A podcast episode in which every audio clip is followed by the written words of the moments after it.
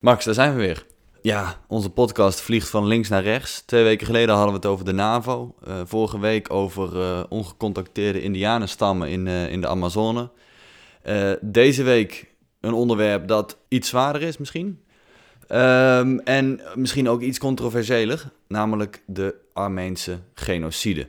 Mm -hmm. Deze week, vrijdag 24 april, is daar de herdenking van. Uh, van wat er in uh, 1915, 1918 gebeurd is. En nog steeds, anno 2020, is, uh, is dat gebeuren een bron van controverse, discussie, bekvechten. Links en rechts maken mensen elkaar uit voor van alles en nog wat. En daar gaan wij even wat oren in, in scheppen, of niet, Max?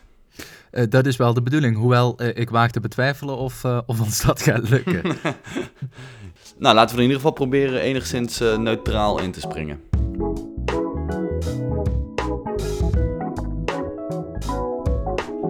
Dit is met een korreltje zout. In deze podcast nemen we je wekelijks mee naar internationale obscuriteiten en geopolitieke uithoeken. Ongezouten, maar met smaak. Wij zijn Max en Auke. Welkom.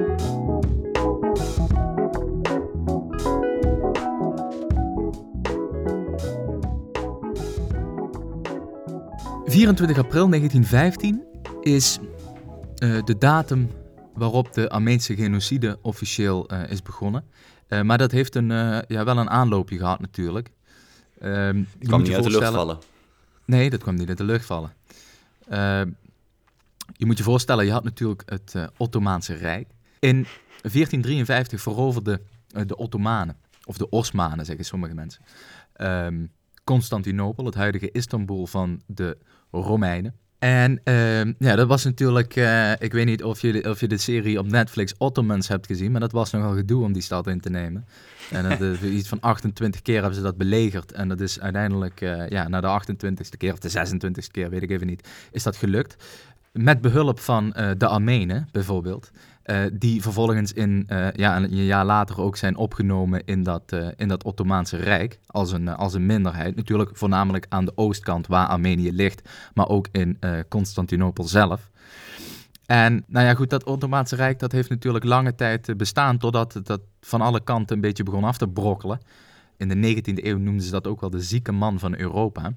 Dus je hadden aan de rechterkant natuurlijk dat Russische Rijk liggen, wat daar begon uh, huis te houden.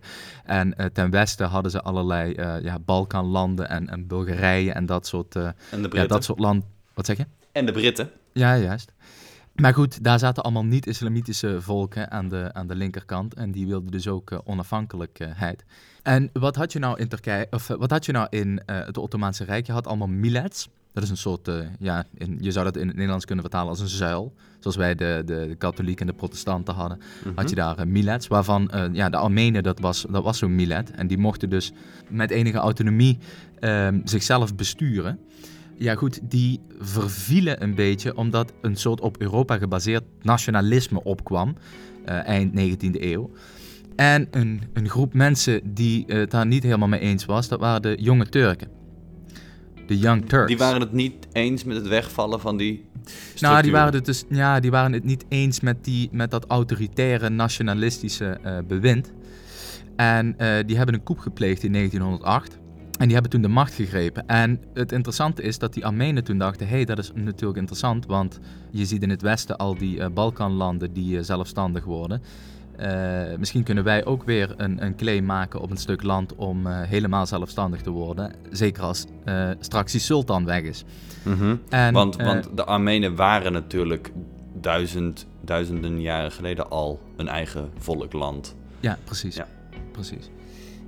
En, nou, in 1911 heb je een Italiaans-Turkse oorlog en vervolgens heb je Balkanoorlogen. Dus dan begint dat Ottomaanse Rijk echt wel af te brokkelen. En dan begint natuurlijk eh, de Eerste Wereldoorlog in 1914. En dan is het, uh, ja, voor de rapen gaar. Dan zijn de rapen toch wel professioneel uh, gaar. Um, nou, wat gebeurt er dan? Uh, ja, een kabinet nou maakt rare sprongen. En um, dan zie je dat de minister van Binnenlandse Zaken, um, dat is Talat Pasha, dat is zo'n ja, gezant van de, van de jonge Turken. Dus die was uiteindelijk toch iets Turkser gezind dan dat, uh, of iets nationalistischer gezind dan dat de Armenen in eerste instantie hadden gedacht. Die Talat Pasha, die, ja, die deporteert of die transporteert, zeggen, de, zeggen sommige mensen, uh, geleerden en uh, hoogwaardigheidsbekleders van de Armeense gemeenschap vanuit Constantinopel richting Ankara en die worden later ook vermoord. En dat luidt dus het begin van de Armeense genocide in.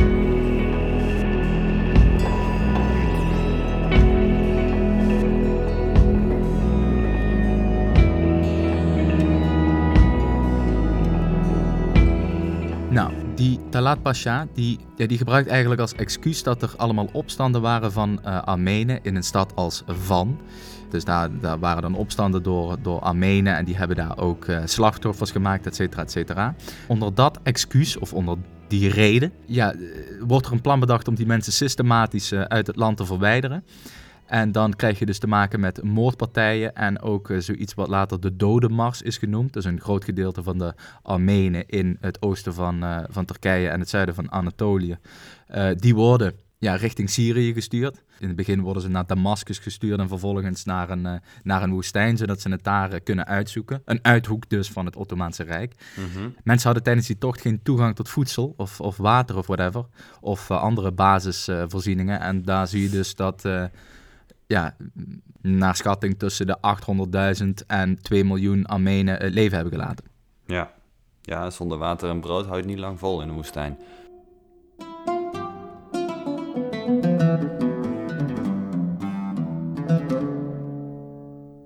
Goed, dus even de, de feiten op een rij. 100 jaar geleden, tussen de 600.000 en 2 miljoen Armenen zijn uh, vermoord. Niet alleen Armenen trouwens, ook uh, Grieken en Assyriërs. Maar het is een beetje net als de, de Holocaust. Daar werden ook niet alleen maar Joden vermoord. zijn ook uh, gypsies en, en, en homo's. zijn ook in naar concentratiekampen gebracht. Dus de Armeense genocide, die term omslaat eigenlijk ook de vermoorde Grieken en Assyriërs. Nou goed, in totaal dus tussen de 600.000 en 2 miljoen. Die cijfers verschillen een beetje, ligt eraan wie het vraagt.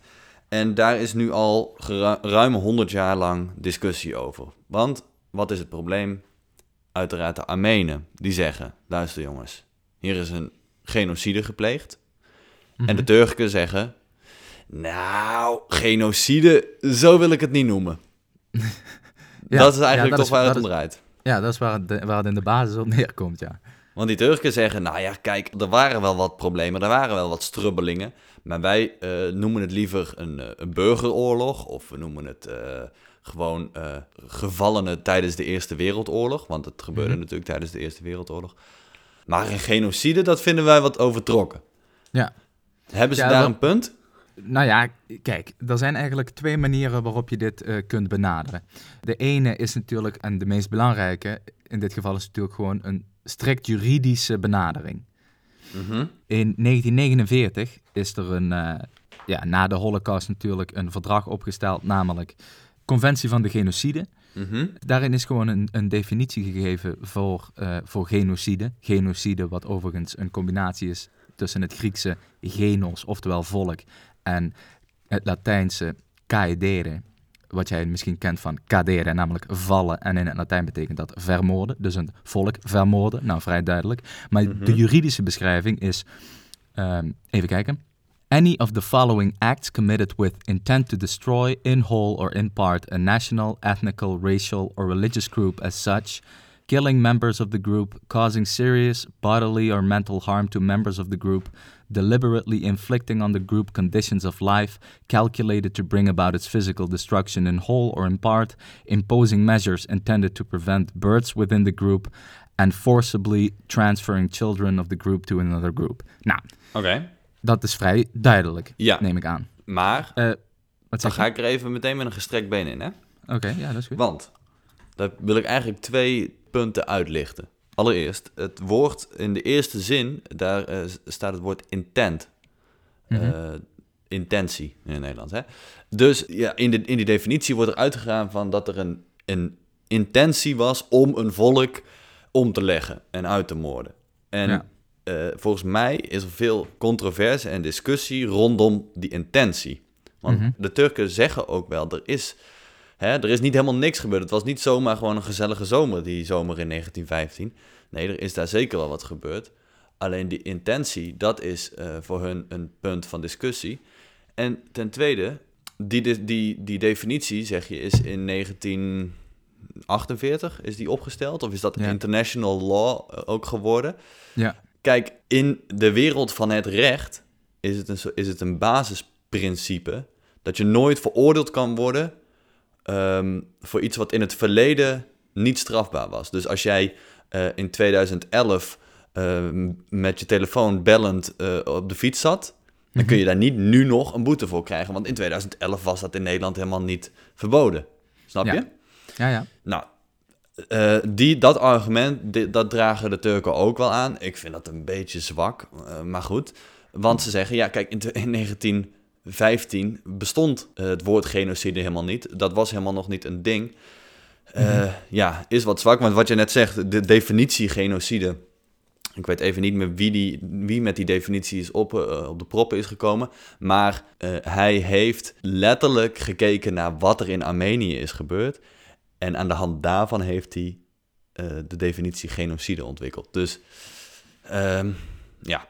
Dus nou ja, goed, even daar dan weer een weerwoord tegen nu kom je dus in dat uh, veld van uh, een soort historisch debat, waarbij mensen gaan kijken wat er nou wel gebeurd is, wat er nou niet gebeurd is, wat er wel gezegd is, wat er niet gezegd is, et cetera. Laten we vooropstellen dat wij geen historici zijn. Wat voor ons natuurlijk interessant is, is die, die discussie die daaromheen hangt. Mensen die het dus niet eens zijn met, die, met dat Turkse uitgangspunt, die zeggen er zijn wel degelijk historische uh, documenten te vinden en bronnen te vinden die aan kunnen tonen dat de Turkse autoriteiten in de zomer van 1915, of eigenlijk het voorjaar van 1915, uh, eh, ja, dus met, met, het, met de intentie om een volk uit te roeien, daarvoor hebben gekozen om de Armenen het land uit te sturen en dus uh, de dood in te sturen, als het ware. Ja. En dan, op dat moment, als dat gebeurt, dan is het soort van mijn woord tegen het jouwe. En uh, dan krijg je de, uh, ja, die, dat is tegenwoordig heel erg populair onder politici, namelijk uh, cherrypicking wat betreft je bronnen. Ja. En dat, dat wordt heel handig, wordt dat geframed, heb ik het idee in deze discussie. Ja, en natuurlijk de klassieke jijbak, want die Armenen, die zijn natuurlijk ook niet vrij van schuld. Die hebben ook wel degelijk wat gedaan. Maar dus dan krijg je een beetje dat de Turken zeggen, ja maar kijk wat die Armenen hebben gedaan. En de Armenen zeggen, ja maar luister, jullie hebben een genocide gedaan. Of ja, mhm. dus een klassieke jijbak. Dus die, die discussie die is al honderd jaar redelijk uh, vertroebeld, lijkt mij. Ja. En um, eigenlijk nog het uh, mooiste voorbeeld uh, is de positie van Nederland. ja, die pakt weer eigenlijk volledig in lijn met ons poldermodel en altijd de brave middenweg. Ze zeggen niet de Armeense kwestie. Ze zeggen niet de Armeense genocide, maar ze zeggen de kwestie van de Armeense genocide. Ja, ja, ja, ja. Dus dat, dat is even ons officiële standpunt. Dat is mooi. Ja, dat is de regering. Het parlement in Nederland, dus de Tweede Kamer, heeft wel de, de, de genocide erkend. Maar, de, maar Rutte, die zal het hebben over inderdaad de, de kwestie van de Armeense genocide. Ja, en waarom doen ze dat? Omdat ze natuurlijk uh, de Turkse regering niet tegen de schenen wil trappen. Maar wel uh, ja, die, die, die erkenning wil geven. Sterker nog, uh, volgens mij wordt er altijd wel een, uh, een minister of iets, uh, of in ieder geval een representant van het kabinet gestuurd naar dit soort internationale herdenkingen. ja, ik weet dat, ze in, dat, de, dat de Nederlandse ambassadeur wel ieder jaar gaat. Maar in 2015, toen was het een bijzonder jaar, want toen was het 100 jaar geleden. Toen hebben ze, weet jij wat, toen, wie ze toen hebben gestuurd? Ja, volgens mij de minister van Financiën. Ah ja, ja, nou ja, maar kijk, je hebt natuurlijk een soort schaal. Hè? Aan de ene kant zit daar de minister van Financiën. Um, maar ze hadden ook Willem-Alexander en Maxima kunnen sturen. Dus het is, mm, het is niet zeg maar de hoogste delegatie die ze gestuurd hebben. Ja, ik snap hem. Om weer even terug te gaan naar die discussie, dan zie je dat veel uh, partijen of groepen of mensen die, willen het, die noemen het liever niet de genocide, maar de kwestie. Hè? Wat we net zeiden over Mark Rutte. Bijvoorbeeld ja. Denk, die heeft, die, de partij, die wil het uh, hebben over de kwestie. Ja, wacht even, daar heb ik nog een mooi filmpje van. Komt-ie. Um, die Armeense genocide, daar kom ik daar kom ik voornamelijk ook op omdat het in uw eigen Ja. verkiezingsprogramma Ja. staat. Dat is dus kennelijk een kwestie. Want u zegt, ik noem het een kwestie, ik noem het geen genocide. Ja.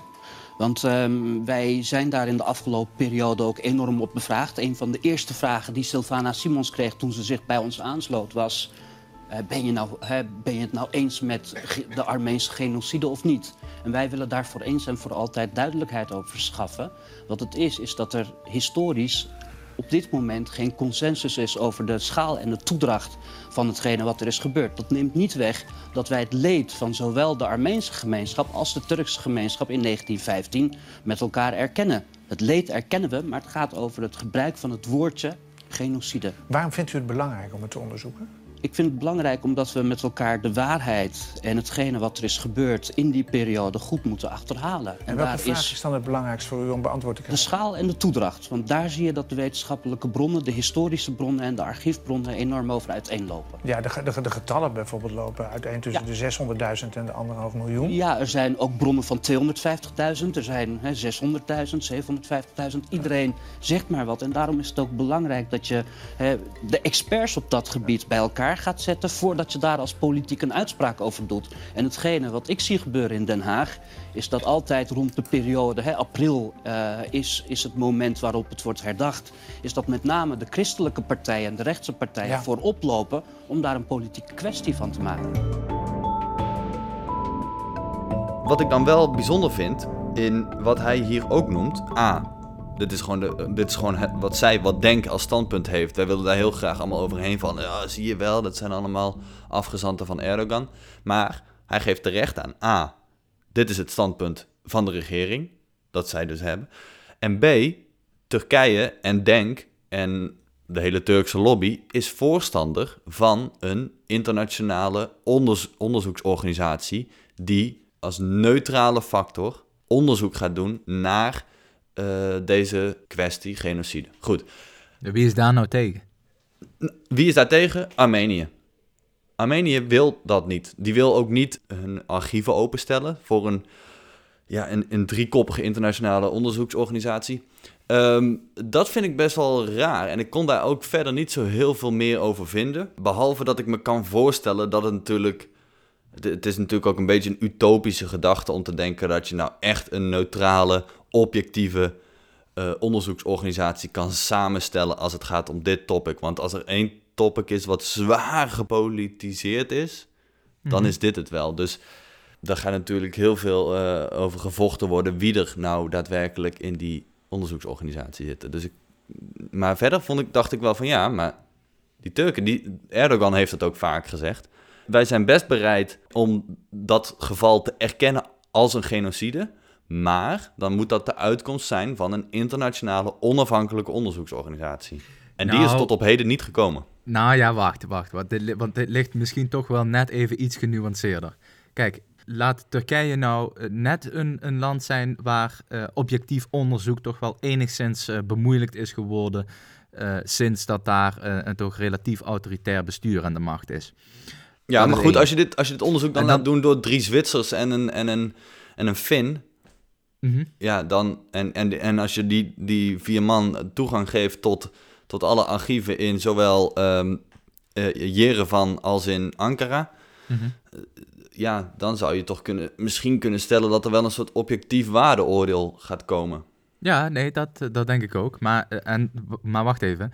Daar komt nog eens bij dat eh, Erdogan niet zegt... ja, als jullie nou kunnen aantonen dat daar inderdaad sprake is geweest van een genocide... dan zullen wij dat ook als zodanig erkennen, zeg maar, als Turkse ehm, regering. Nee, hij zegt, eh, laat dat eerst maar eens onderzoeken... en dan zullen we nog wel eens zien of die claims van jullie stand houden. Met andere Hmm. woorden, ik geloof daar helemaal geen s'nachts van. En of ik, eh, ik heb helemaal geen zin om hier mijn politieke vingers aan te branden. Om Ja. hier dus alsnog eh 100, eh, ja, vijf jaar na dato nog, eh, nog erkenning te gaan geven voor iets waar ik het in beginsel totaal niet mee eens ben. En dat doet hij slim. Het is misschien ook wel een beetje wishful thinking om te denken dat Erdogan ooit gaat erkennen dat er een Armeense genocide is geweest, ja. Ja, de, de, de, man die Wikipedia dichtgooit voor drie jaar. Wat overigens interessant is, trouwens, even tussendoor. Ik heb even gekeken of op de Turkse Wikipedia dus inderdaad eh, sprake is van... eh, hoe noemen die Turken het nou? Niet Ja, die hebben het over een kwestie, hè? De- Ja, of dat nou, maar daar staat toch op de Turkse pagina staat eh Armeense genocide. Zus en zoveel doden, deze en deze impact, die en die tijdlijn. Dus ze zijn daar toch wel redelijk open over. Nu weet ik niet, nu zal dat waarschijnlijk niet geschreven zijn door Erdogan en of zijn rechterhand zelf. Maar in ieder geval de Turkse gemeenschap die dus toegang heeft tot de Turkse Wikipedia, ja, die krijgen toch dat voorgeschoteld.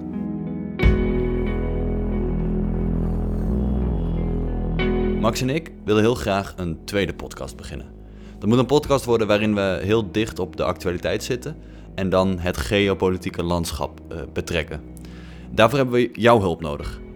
Wij zoeken 100 maandelijkse donateurs en dat loopt al aardig op, maar we willen graag die 100 halen. Dan beginnen we een tweede podcast, eh, dus we vragen je, wil je ons helpen?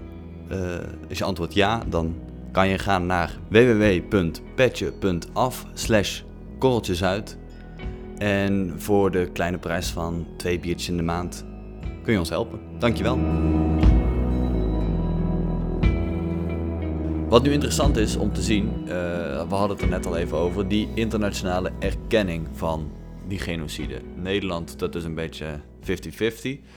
Eh, maar ook in Amerika zie je dat het ook een beetje 50-50 is. Want op federaal niveau, dus, dus Donald Trump eh, niveau zeg maar, die, zal, eh, die, die erkennen het niet. Maar op statelijk niveau zijn er 49 staten uit mijn hoofd. Volgens mij alleen Mississippi niet. die, die wel de Armeense genocide erkennen. Wat is er dan met Mississippi? Ja, dat is een goede. Misschien zitten daar heel veel ehm, Turkse en Aze- Azerbeidzjaanse diaspora. Ah, ja. Weet ik niet, weet ik niet. Maar nee, weet ik eigenlijk niet waarom dat eh, daar is. Maar wat is nou zo boeiend aan die erkenning? Je ziet dus dat of zo'n land die genocide erkent ofwel ontkent, hangt vaak hele, tegenwoordig helemaal niet meer samen met of zo'n land intrinsiek gelooft of onderzoek heeft gedaan of ervan overtuigd is dat dat gebeurd is of niet gebeurd is.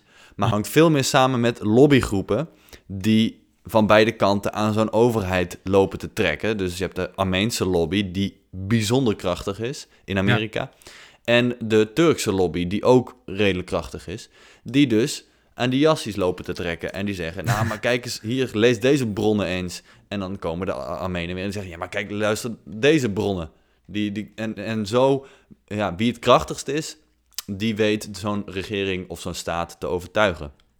Ja. Ehm, en in Amerika zie je dat de Armeense lobby dus heel krachtig is.